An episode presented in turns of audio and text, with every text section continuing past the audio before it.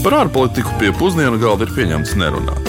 Ja vien tās nav diplomātiskās pusdienas. Labdien, nesiet sveicināti diplomātiskajās pusdienās. Kā alaži mums ir prieks iesākt uh, otrdienas pusdienas ar kādas valsts apskatu. Un šodienas redzījumā no netipiskās Austrumāzijas musulmaņu valsts, kurā bijām pagājušajā nedēļā, dosimies uz kādu valsti, kas ir zināma ar savu daļo statusu - pirmrindniece politikā un ekonomikā Dienvidamerikas reģionā. Valsts, kuru mēs šodien apstīsim, ir Urugvajas Austrumu Republikā, nu, vai kā tā tiek bieži vien dēvēta, ir vienkārši par Urugvaju. Jāpiemina, ka paši Urugvajas iedzīvotāji vienmēr atgādina, ka tie pārstāv Urugvaju un lūdzu nejaukt ar Paragvaju, vēl jau vairāk pa vidu esošo Bolderāju, kā Jā, tautā tiek es, runāts. es, es domāju, mums ir ļoti labi šis saprotams, jo bieži vien ārzemēs uh, dzirdam, ka kāds latviečs ir no Lietuvas, nu, respektīvi mūžīgais stāsts, kur tiek jauktas uh, blakus esošas vai pat attālākas valstis. Jā, starp citu, par 3,4 miljonu iedzīvotāju lielās valsts nosaukumu runājot, var likties savādi, ka tam ir vairākas asociācijas ar uh, Āzijas valsts, nevis Latviju Ameriku, nu, vārdi austrumu lietojumu dēļ.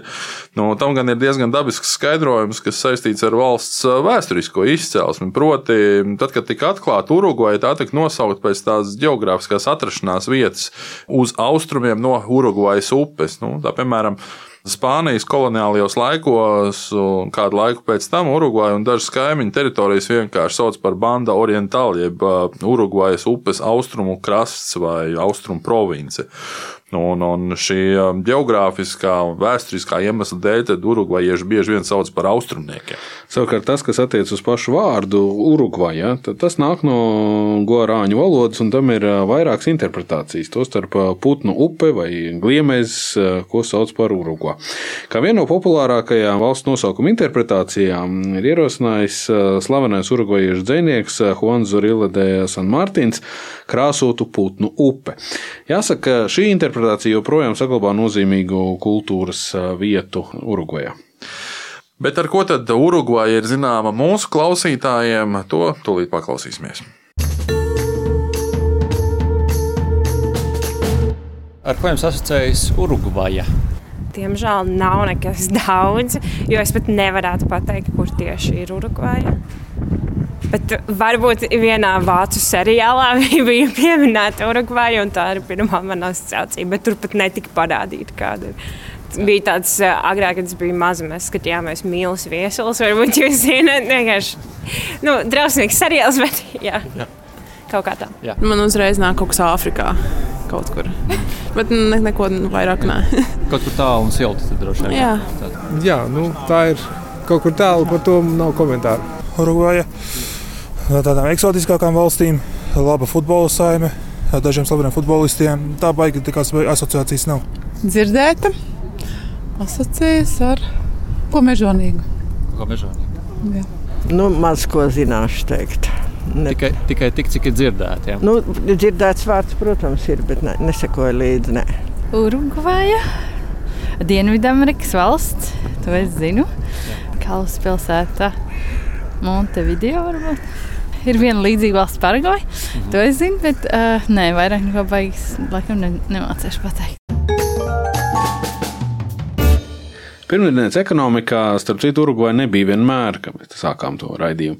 Vēl 19. gadsimtā Urugvajas ekonomika stipri skāra tieši tādas pašas problēmas, kas pastāvēja citās Latvijas valstīs, piemēram, esošā pastāvīgā politiskā nestabilitāte, ārvalstu kapitāla kontrole pār svarīgākām ekonomikas nozarēm un augsts analfabētu daudzums un pilsoņu kari valstī. Un tā vēl koloniālajos laikos par valsts geogrāfiski strateģisko pozīciju cīnījās gan Briti, Portugāļi, Spāņi.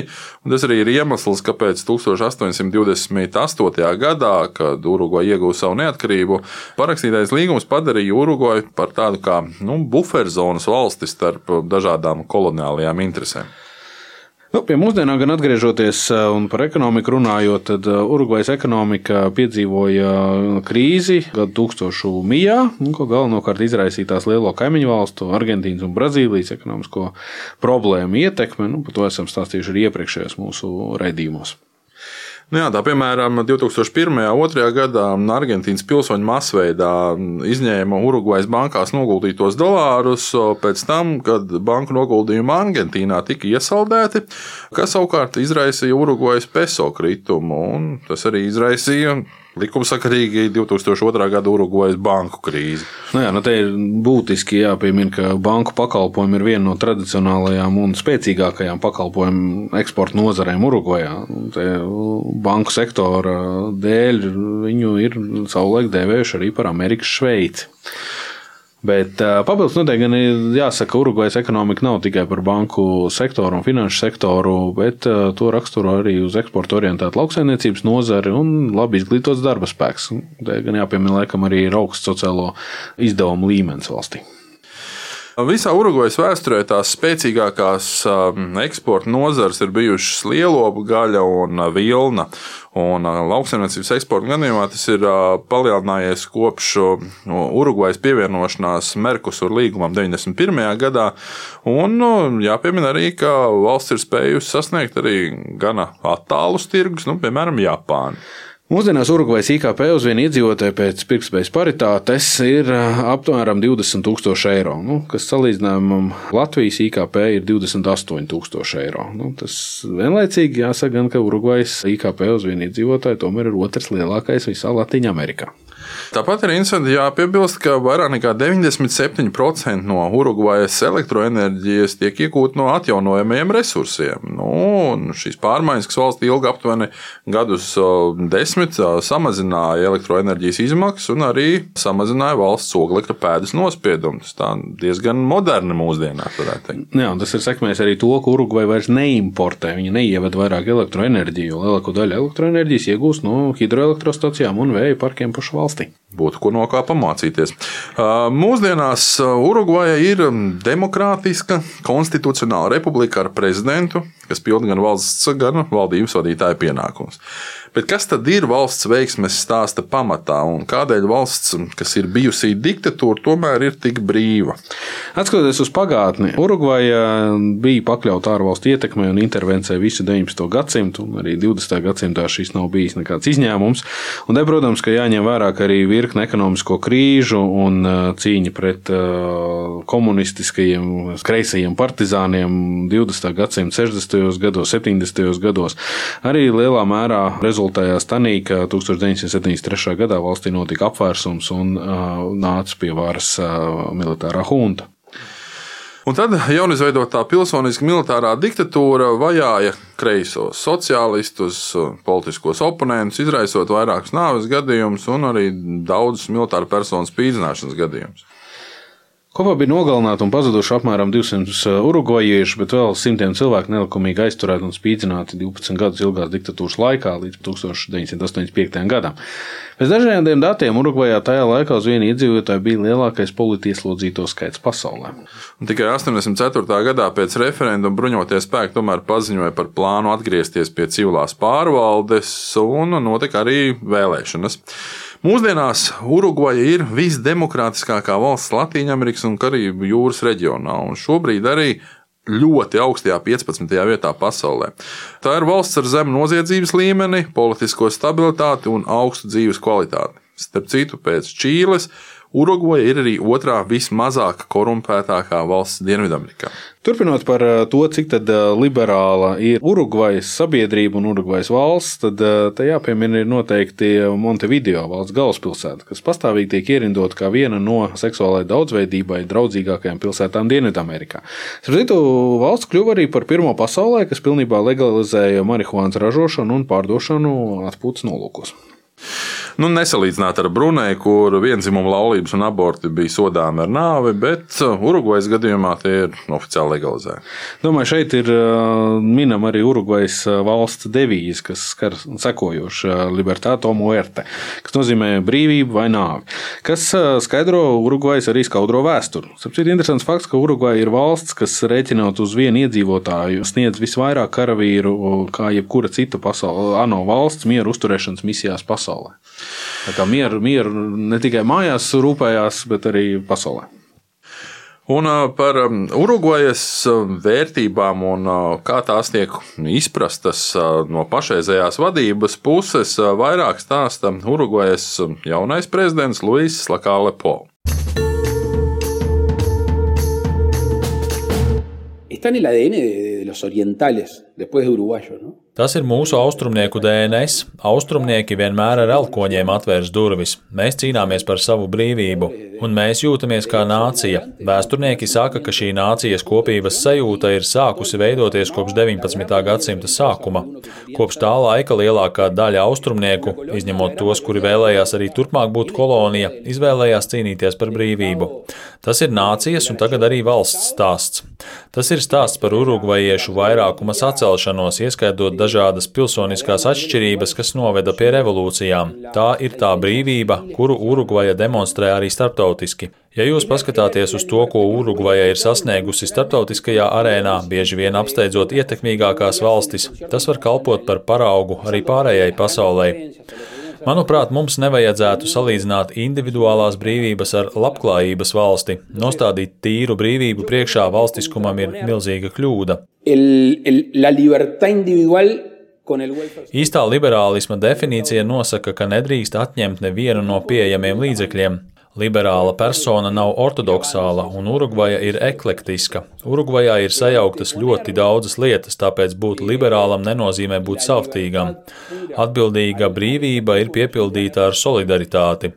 Pirms dažiem gadiem es kongresā runāju par brīvības koncentriskiem apļiem. Pirmais ir individuālais aplis, kas visu virza, un man tā ir pati tīrākā brīvības izjūta. Tai apkārt ir sabiedrības brīvība. Vai visa sabiedrība var justies patiesi brīva, ja kādam no sabiedrības locekļiem nav pat minimālo līdzekļu izdzīvošanai, izglītības un veselības līdzekļu? Pēc savas definīcijas labklājības valsts pienākumi ir garantēt drošību, aizsardzību, veselības aprūpi, izglītību un vēl dažas lietas. Tās ir lietas, kuras personai, kas dažādu iemeslu dēļ nav spējīga pilnībā izbaudīt savu brīvību, var palīdzēt un dot tādu kā grūdienu, lai cilvēks pats varētu kļūt neatkarīgs un to izbaudīt.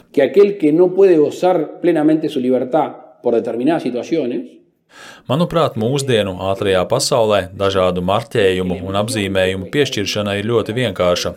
Tu kaut ko ietvīto, gandrīz neizlasot, un pēc tam tev tiek piekārta kaut kāda birka. Mums ir nepieciešams domāt un būt kritiskiem, nevis paļauties uz marķējumiem. Jā, joprojām pastāv melna un balta pasaule, piemēram, ētiskos un morāles jautājumos, taču praktiskajā politikā, ja brīvība ir jūsu bāka, tad instrumenti tās sasniegšanai ir visdažādākie. Si el faro es la libertad, las herramientas son de todo tipo. Nu, rezumē, domāju, ka Urugvajai tiešām piestāv tās izvēlētā devīze brīvība vai nāve. Atskatoties tās vēsturē un pieņemtajos lēmumos, var redzēt, ka valsts ir izvēlējusies saglabāt savas vērtības un demokrātiju un brīvību. Tas skaidro arī valsts vieglāk attieksmi pret daudziem citvietu pasaulē ļoti pretrunīgiem un polarizējošiem jautājumiem. Lai cik būtu paēdis, vienmēr ir vieta arī desertam. Iepriekšējā raidījuma desertā mēs apskatījām uh, pasaulē bagātāko sultānu, Brunēs sultānu. Savukārt uh, Urugvajā prezidentam tiek piedāvāts visnabadzīgākā prezidenta status. Tas ir saistīts ar to, ka Jose Muhika, bijušais Urugvajas prezidents no 2010. līdz 2015. gadam, ziedo 90% no saviem ikmēneša ienākumiem labdarībai, līdz ar to iegūst sev pasaules nabadzīgākā prezidenta nu, varētu tā teikt, titulu. Nu, es gan neteiktu, ka iegūt šādā veidā nabadzīgākā prezidenta statusu, ziedojot visu labdarībai, būtu tas sliktākais veids. Un pašu Jose Mohiku šādu soli iedvesmojusi viņa dzīve 60. un 70. gados. Viņš ir bijušais Urugvajas partizāns, kas vēlāk cietumā pavadīja 14 gadus, un, un, un lielāko daļu no viņa apcietinājuma viņš pavadīja ļoti skarbos apstākļos un izolācijā. Un līdz ar to viņš, jā, viņš tika atbrīvots 85. gadā, kad Urugvaja jau atgriezās pie demokrātijas.